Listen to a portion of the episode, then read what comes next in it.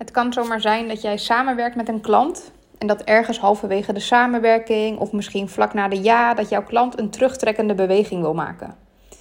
Ehm, allereerst, je bent niet de eerste en je zal ook zeker niet de laatste zijn die dat wel eens meemaakt als ondernemer.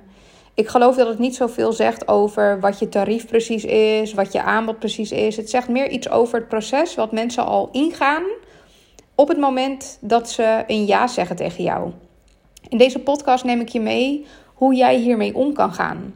Want wellicht speel je met vragen als: ja, shit, uh, ze hebben de factuur al betaald, moet ik die dan terugbetalen? Uh, ze hebben de algemene voorwaarden ondertekend. Maar ja, ik wil ook niet zo'n asshole zijn die zegt: Nou, je hebt het al ondertekend, dus je bent al je geld kwijt. Um, dus dit, ik ga je hier hand, aan de hand meenemen in welke stappen jij te zetten hebt. Allereerst, hetgene wat ik je wil meegeven is: haal de emotie eruit bij jezelf. Het kan namelijk zijn, grote kans, dat wanneer jij een bericht krijgt van je klant die aangeeft niet meer te willen samenwerken, dat jij zelf schiet in de emotie.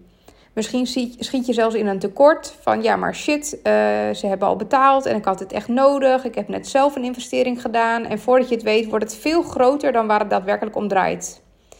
Dus dat is het eerste. Haal de emotie eruit en dat doe je door te voelen waar jij op geraakt wordt. Dit gaat namelijk niet over jou. Dit gaat echt puur over jouw klant en het proces waar je klant doorheen gaat.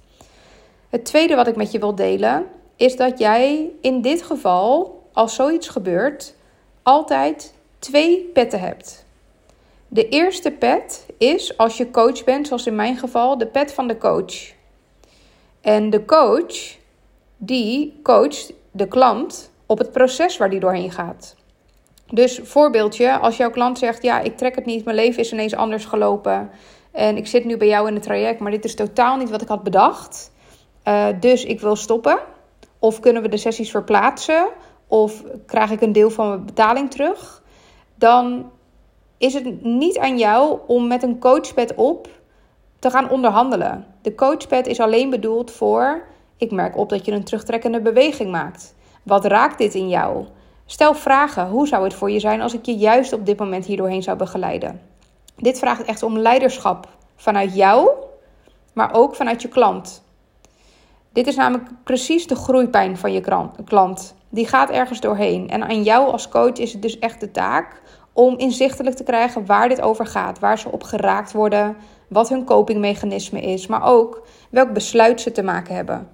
Want deze terugtrekkingbeweging, die maken ze misschien wel, maar wat gebeurt er als ze hier hun hele leven naar blijven luisteren? Wat zou er juist gebeuren als ze een andere keuze zouden maken deze keer? Dus dat is de eerste pet die je op hebt, de coachpet. Dan heb je de ondernemerspet. De ondernemerspet, die kan je klant wijzen op: ik begrijp het en we zijn een commitment aangegaan. Je hebt mijn algemene voorwaarden ondertekend.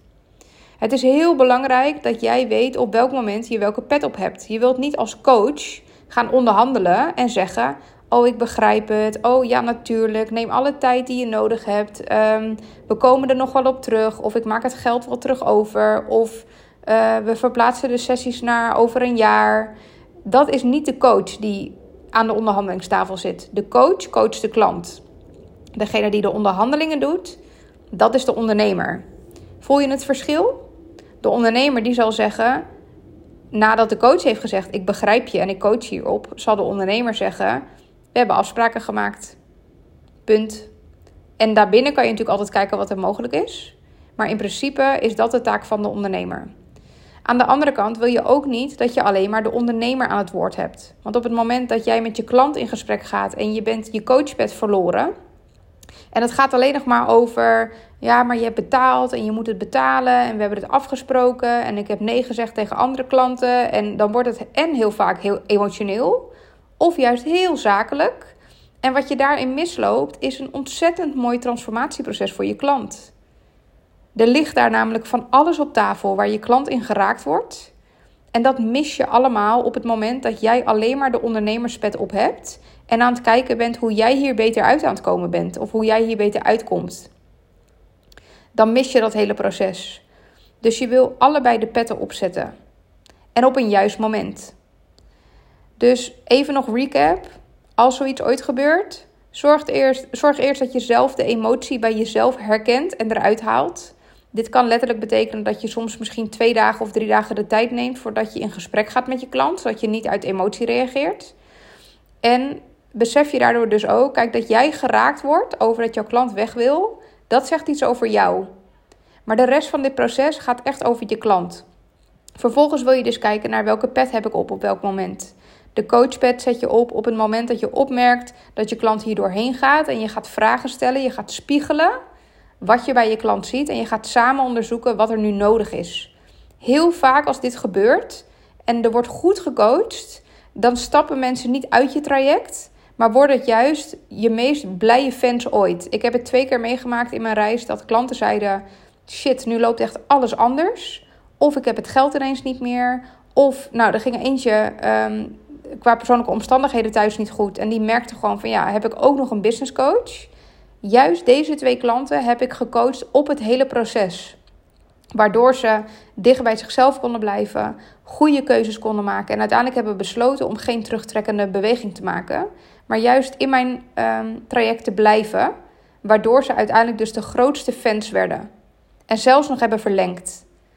Dus op het moment dat dit gebeurt, neem je leiderschap. Zet je coachpad op en spiegel. En vervolgens, op het moment dat het dan toch op een manier loopt waarop je merkt van we komen er niet uit samen, om welke reden dan ook, dan is het tijd om je ondernemerspet op te zetten. En om te delen hoe je dat voor je ziet. En mag je het zakelijk afhandelen, waarbij je ook um, je eigen voorwaarden in overweging neemt. Waarin jij ook mag begrenzen. Zo heb ik bijvoorbeeld dat mijn klanten als ze instappen een aanbetaling doen. En van die aanbetaling betaal ik weer mijn team het welkomstcadeau om alles in gang te zetten als een klant start. Dus op het moment dat een klant uiteindelijk nee zegt, gebeurt niet vaak, maar als er iemand nee zegt, dan is de aanbetaling, zo is hij ook bedoeld, zo staat hij ook in mijn algemene voorwaarden, um, eigenlijk de buffer die ik heb om mijn team te kunnen betalen. Dus de aanbetaling is in het, in het meeste geval bij mensen een eerste blijk van investering en van commitment. Maar het kan dus zomaar zijn dat iemand daarna een terugtrekkende beweging maakt. Aan jou wat je daarmee wil doen. Dus ik hoop dat het je helpt. Ehm, laat me ook vooral weten, even via Instagram, via Tasseron, of dit je geholpen heeft. En ook hoe het afgelopen is, als je het fijn vindt om er iets over te delen. En mocht je verder gecoacht willen worden op thema's als dit, maar ook op persoonlijke ontwikkeling, op jouw familiesysteem, op je strategie van je bedrijf, op je content schrijven. Misschien is het dan eens tijd dat je een intake bij me boekt. Want dat zijn alle dingen die ik doe met klanten. Alles in de operatie, maar ook zeker het intuïtieve en het energetische stuk. Dus je bent van harte welkom. Thanks voor het luisteren en tot de volgende.